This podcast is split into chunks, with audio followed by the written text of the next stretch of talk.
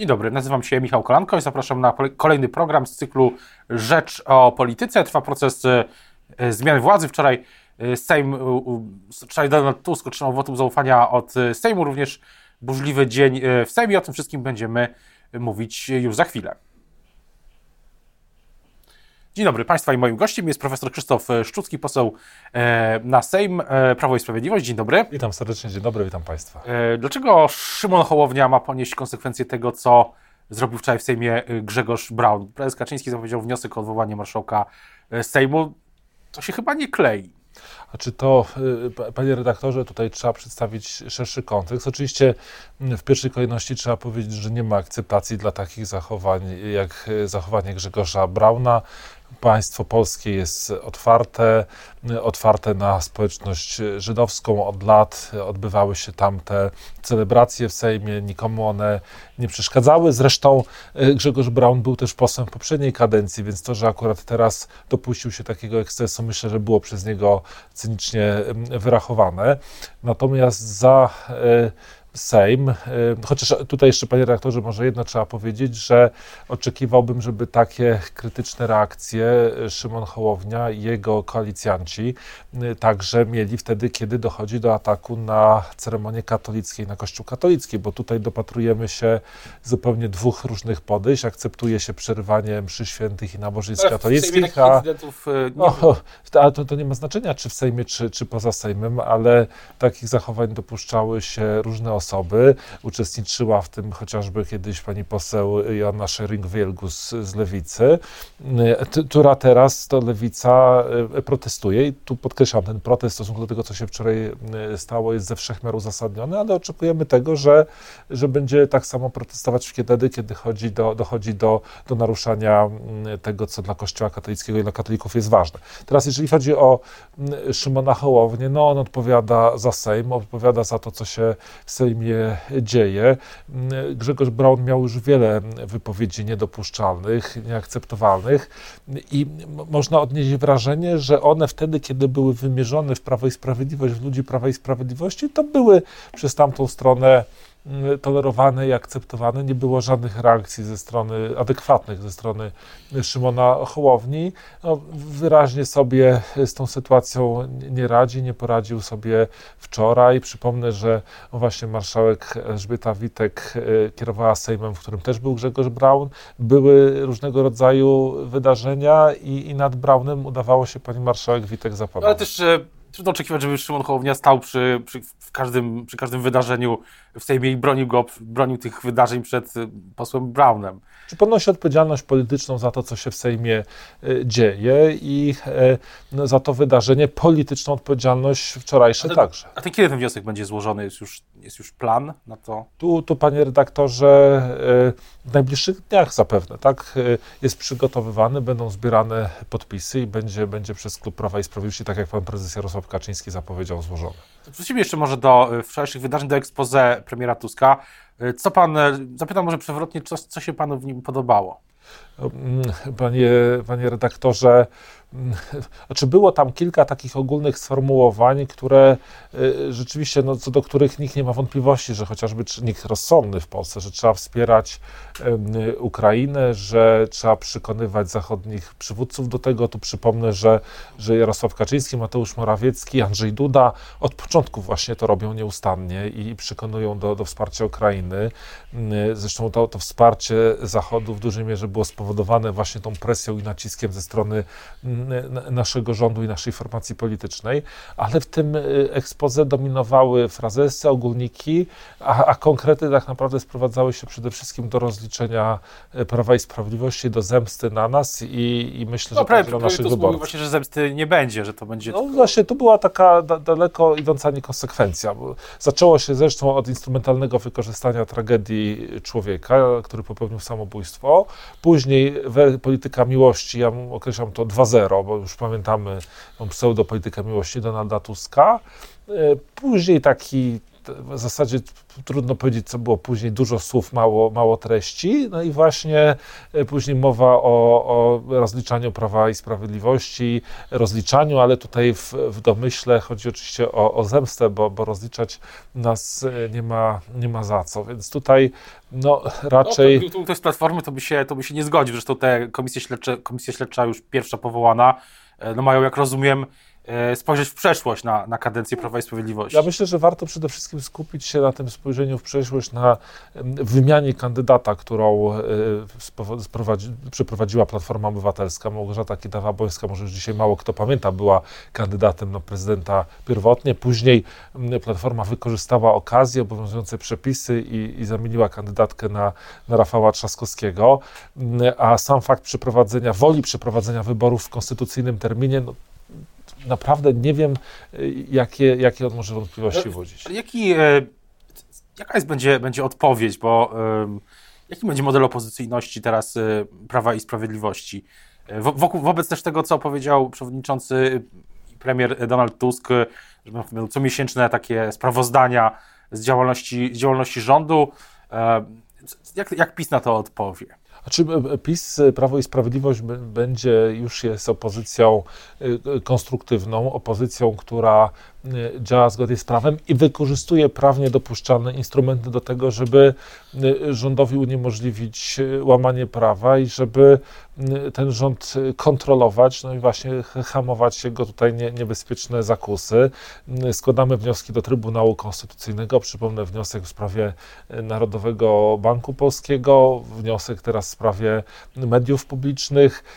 Ustaliliśmy, nauczyliśmy opinii publicznej problem wiatraków w ustawie Lex Kloska, problem no właśnie przepisów ewidentnie pisanych, wiele na to wskazuje przez, przez lobbystów, a przynajmniej w interesie dużych firm, które energią odnawialną się zajmują. No i to jest właśnie nasza rola i tak właśnie będziemy funkcjonować. Ja mam takie wrażenie, że tych sprawach, o których Pan mówi, zwłaszcza jeśli chodzi o kwestię ustawy, o której Pan wspominał, to od razu też był taki ton takiego bardzo wysokiego C, bo zaraz yy, Prawo i Sprawiedliwość powiedziało, czy chyba to mówił nawet premier Morawiecki, że jest największa afera ostatnich, ostatnich lat, komisja śledcza, nie ma tym trochę przesady? O, panie redaktorze, to, to jest kolejny przykład y, tego, jak się mają słowa Donalda Tuska i tamtych ludzi z tamtej strony sceny politycznej do, do, do rzeczywistości. W ekspoze między innymi słyszeliśmy o dobrej legislacji, o przejrzystości, o, o dobrym pisaniu przepisów, a w tle mamy właśnie aferę wiatrakową i te przepisy, których, które są składane, nie wiadomo kto je napisał, później 30-stronicowa mm, autopoprawka, mm, nikt się do tej ustawy nie, nie chciał przyznać. No to, to właśnie, jeżeli tak ma wyglądać, to, to nie zapowiada się najlepiej. Prokuratura nawet zdecydowała o wszczęciu śledztwa w tej sprawie. Ja odebrałem wczoraj z poczty, na poczcie pismo prokuratury okręgowej w Warszawie. Dostałem zawiadomienie o wszczęciu śledztwa właśnie wszczętego z zawiadomienia Klubu Parlamentarnego Prawo i Sprawiedliwość. Przez, przez 8 lat y, Prawo i Sprawiedliwość na przykład nagminnie korzystało z tej ścieżki poselskiej zamiast y, y, rządowej w, w, wielu przypadkach. Teraz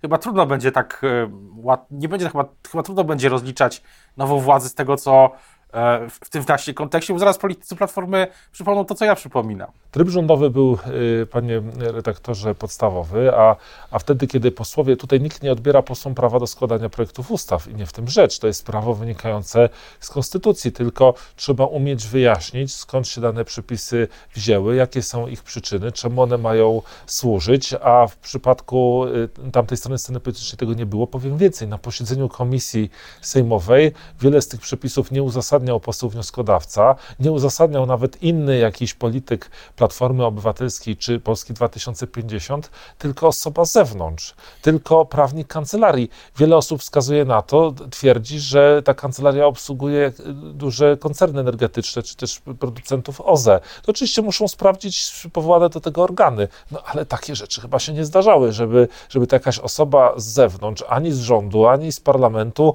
prezentowała projekt poselski. A Tutaj dygresja, marszałek Szymon Hołownia w wywiadzie Rzeczpospolitej w ubiegłym tygodniu mówił, że oceny skutków regulacji będą teraz do, do każdego projektu i że w ogóle ten cały, cały ten system się, się zmieni. Co pan na to? Pytam pana też jako byłego szefa RCL-u. Czy marszałek Hołownia dużo składa deklaracji, mówił, że zamrażarki nie będzie, a kiedy zobaczymy na listę wniesionych projektów, które jeszcze nie mają numerów druków, to ona jest e, coraz dłuższa. Oczywiście to dzieje się pod jakimś pretekstem opiniowania, konsultacji, no ale to, to właśnie jest zamrażarka. Czy będzie trzeba nadać numer druku, będzie czas na dyskusję w komisjach, na posiedzeniu plenarnym, strona społeczna też będzie mogła się wypowiadać. Wtedy uwierzymy w to, że tej zamrażarki nie ma. Póki co ona jest i jest e, coraz bardziej e, zapełniana. Jeżeli chodzi o ocenę skutków regulacji, inne uwarunkowania projektów poselskich, to na razie, panie redaktorze, są jakieś deklaracje, zobaczymy, jak one będą realizowane w praktyce. O, chociażby no, mieli okazję ocenę skutków regulacji dołączyć do ustawy wiatrakowej, y, no, konia z rzędem, kto te oceny tam znajdzie. To być to projekt y, rządowy, tak? No, dzisiaj trwa właśnie uroczystość y, zaprzysiężenia nowego rządu, ale wróćmy jeszcze do tej opozycyjności. Powiedział pan, że PiS będzie wykorzystać wszystkie narzędzia prawne możliwe w, w, jako opozycja. Co pan, co pan ma na myśli? No, to, to są te, te narzędzia, które, które są y, w dyspozycji chociażby na mocy konstytucji. Tak jak powiedziałem, już składaliśmy wnioski do Trybunału Konstytucyjnego. Grupa y, posłów, grupa senatorów może takie wnioski składać. To są oczywiście wszystkie narzędzia, które y, przewiduje zwyczaj parlamentarny, regulamin Sejmu, konstytucja, ustawa o wykonywaniu mandatu posła i senatora, kontrole poselskie, interpelacje, zapytania,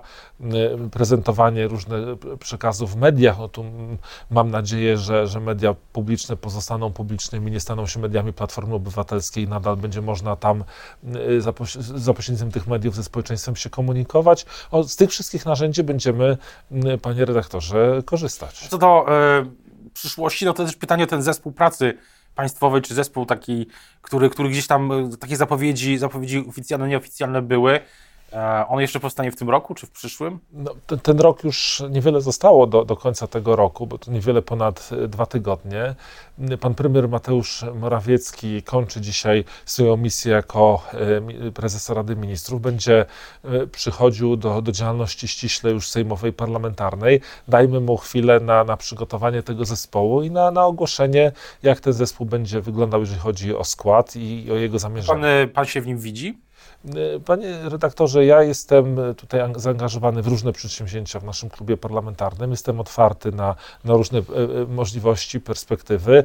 No, przede wszystkim widzę się w codziennej pracy posła. Niebawem wrócę do komisji sejmowych, z których musiałem odejść w związku z pełnieniem e, urzędu ministra. Wrócę do działalności w komisjach sejmowych, do działalności w swoim okręgu i oczywiście do, do tych wszystkich innych zadań, w których będę w klubie potrzebny. Też długoterminowo wydaje się, że jak rozmawiam, rozmawiam wczoraj w kuluarach przedwczoraj z politykami nowej koalicji, no to wydaje się, że PiS nie ma co liczyć na jakieś większe turbulencje, przynajmniej w tym pierwszym, pierwszych e, miesiącach, tak? Wydaje się, i nawet chyba latach, wydaje się, że ten układ jest, e, układ sejmowy jest trwały i PiS musi z tym liczyć, że e, no nie, nie będzie szybkiego powrotu do władzy. Panie rektorze, zobaczymy. My przede wszystkim chcemy przekonywać opinię publiczną do nas argumentami, programem, tym właśnie, co będzie wypracowywał zespół y, pana premiera Morawieckiego, tym, co jest już w naszym programie, w programie Prawa y, i Sprawiedliwości. I to przede wszystkim jest nasze narzędzie, które ma służyć y, uzyskaniu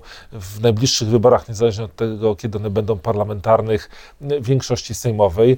Niebawem wybory samorządowe, wybory do Parlamentu Europejskiego. W tych wszystkich wyborach chcemy osiągnąć osiągnąć bardzo dobre wyniki, na to będziemy pracować i jednocześnie obserwować i aktywnie uczestniczyć w tym wszystkim, co się dzieje. Ja sukcesu oczywiście tej większości, która tworzy teraz rząd, nie, nie wróżę. No a jak będzie, zobaczymy. Nikt z nas, panie redaktorze, nie ma szklanej kuli. To jest, e, wydarzenia zwykle też nadają ton e, polityce, tak było też e, w tym roku, ale gdy tak pan spogląda, spogląda pan jako na bilans tego, tego roku, też bilans i kampanii Prawa i Sprawiedliwości i, i swoich doświadczeń z z tej kampanii, no to jaki jest Pana główny wniosek, jeśli chodzi o to, co poszło nie tak? Znaczy tutaj, panie redaktorze, z jednej strony oczywiście mamy bardzo dobry wynik, to proszę zobaczyć, trzecia kadencja i, i, i osiągnęliśmy naprawdę ponad 7 milionów 600 tysięcy głosów. To się w zasadzie jeszcze nie zdarzało, żeby taki wynik y, osiągnąć, no ale układ y, y, sił powoduje, że nie możemy stworzyć większości. Chcielibyśmy ją stworzyć, bo uważamy, że mamy program dobry dla Polski. Musimy jeszcze lepiej komunikować się ze społeczeństwem, jeszcze bardziej docierać ze swoim przekazem tym ze swoim programem i, i czas na to teraz właśnie w przygotowaniu do, do kampanii samorządowej, żeby te, te narzędzia udoskonalić, poprawić i, i lepiej dotrzeć z, tym, doby, z tymi dobrymi ideami, które, które mamy i które chcemy społeczeństwu przekazać i do których chcemy społeczeństwo zachęcić. A, a uważa pan, że PiS powinno przejść jakiś rodzaj rebrandingu? Mówiło się, mój kolega e, redaktor Jacek Gądek napisał chyba dwa tygodnie temu taki tekst, że w PiS dyskusja jest o, e, o tym, żeby zmienić nazwę. Ja w takiej dyskusji, panie redaktorze, nie, nie uczestniczyłem i o takich dyskusjach nie słyszałem. Uważam, że to jest marka bardzo dobra. To jest marka, która w 2005 roku pozwoli, na, pozwoli nam uzyskać większość w parlamencie. W latach 2015-2023 dwie kadencje. Święty pamięci prezydent Lech Kaczyński także wywodził się z Prawa i Sprawiedliwości. to nie jest tak, że, że należy teraz tę markę porzucać. On nic na to nie wskazuje. Ona wielokrotnie przyniosła sukces i myślę, że jeszcze nie raz nam przyniesie. Co do, y, co do, tej, co do tego roku, to nie ma. To jest też pytanie o to, o, to, o czym e, rozmawialiśmy, tak? Znaczy, ja pytałem o to przegrzewanie tematu. Nie ma pan poczucia po prostu, że ta retoryka była zbyt ostra, też wymierzona premiera przewodniczącego, w premiera Tuska. E, była też, e, no, w, że, to, że tych emocji było za dużo, a za mało było takiego programu, jaki przedstawił premier Morawiecki w swoim w ekspoze w poniedziałek. Czy człowiekiem, który, który słynie z tego, żeby pobudzać emocje i takie e, e, wzmacniać, podgrzewać do, do, do jakiejś takiej nawet w sposób przekraczający granice, to jest właśnie e, Donald Tusk i, i myślę, że tam by trzeba było te pytania kierować. Oczywiście wskazywaliśmy bardzo dużo i intensywnie na ryzyko, które wiąże się z powróceniem Donalda Tuska do, do władzy. Ja myślę, że część z tych naszych ostrzeżeń niestety się urzeczywistni w najbliższym czasie, ale też prowadziliśmy kampanię programową, ja wiem, jak wyglądała moja kampania w okręgu numer 5, Grudziądz, Toruń, Włocławek inne powiaty. Mówiłem o, o tym, co, co dla tego regionu zamierzam zrobić, co zrobiłem, co Prawo i Sprawiedliwość zrobiło, jaki mamy program. Uczestniczyłem, współtworzyłem, pomagałem tworzyć program Prawa i Sprawiedliwości. On naprawdę jest bardzo obszerny, więc to nie jest tak. Y, mitem jest, że ta kampania miała charakter jedynie emocjonalny. Było o programie, być może należało o nim mówić więcej. Y, wyciągniemy z tego wnioski na na kolejne kampanie wyborcze. Na koniec jeszcze pytanie o, o, to przekazanie, przekazanie ministerstwa, takie umowne oczywiście, czy nie umowne, formalne, bo pan e, dzisiaj przekaże Ministerstwo Edukacji i Nauki i Szkolnictwa Wyższego ministrowi Dariuszowi e, Wieczorkowi, żeby jego część, tak? Tak, bo Ministerstwo Edukacji i Nauki przez Donalda Tuska dzielone jest na dwa, na Ministerstwo Edukacji i Ministerstwo Nauki, z uwagi na to, że minister edukacji i nauki miał swoje miejsce pracy w budynku Ministerstwa Nauki, to ja tam podejmę ministra Dariusza Wieczorka, pani Barbara Nowacka będzie podejmowana przez e, osoby urzędujące, funkcjonujące w Ministerstwie na Szucha. Jakie jest Pana przesłanie do nowego ministra nauki, jeśli chodzi o no właśnie taką główną, główną rzecz, główną sprawę, jeśli chodzi o mm, kwestię nauki i szkolnictwa wyższego. Co pan uważa, że nowy minister co Pan mu może przekaże, wskaże? Jednym z ważniejszych osiągnięć, panie redaktorze, naszej większości parlamentarnej było takie wzmocnienie ośrodków naukowych funkcjonujących poza dużymi ośrodkami miejskimi, tworzenie także nowych. Ja tutaj mogę podać przykład chociażby z Grudziąca, publicznej uczelni zawodowej, która tam została niedawno utworzona. Pierwsza publiczna uczelnia w, w tym mieście, w mieście, które powinno mieć publiczną szkołę wyższą. Ponad podziałami było takie oczekiwanie w Grudziądzu i będę miał takie oczekiwanie, apel apel do, do pana ministra Wieczorka, żeby te uczelnie, te uczelnie regionalne wspierał, ich nie lekceważył, żeby strumień pieniędzy publicznych do tych uczelni płynął, bo one dla rozwoju mm, Polski lokalnej są bardzo potrzebne. O tym, jak będzie dalej wyglądała, jak będzie wyglądał ten dzień przekazania, przekazania władzy, będziemy oczywiście informować na bieżąco na y, RPPL. Ta uroczystość w Pałacu Prezydenckim trwa, no i Sejm w przyszłym tygodniu też się y, zbiera, z tego co widziałem też y, Będą kolejne posiedzenia w, w, nowym roku już dosyć szybko, więc będziemy mieli o czym, o czym mówić. Pierwsze decyzje pewno też zapadały dzisiaj nowej, nowej sejmowej większości już e, rządowej. Będziemy też o tym mówić. Teraz bardzo dziękuję za rozmowę. Bardzo serdecznie dziękuję. Państwa i moim gościem dzisiaj profesor Krzysztof Szczucki, Prawo i Sprawiedliwość, poseł na Sejm. Dziękuję bardzo. Dziękuję bardzo.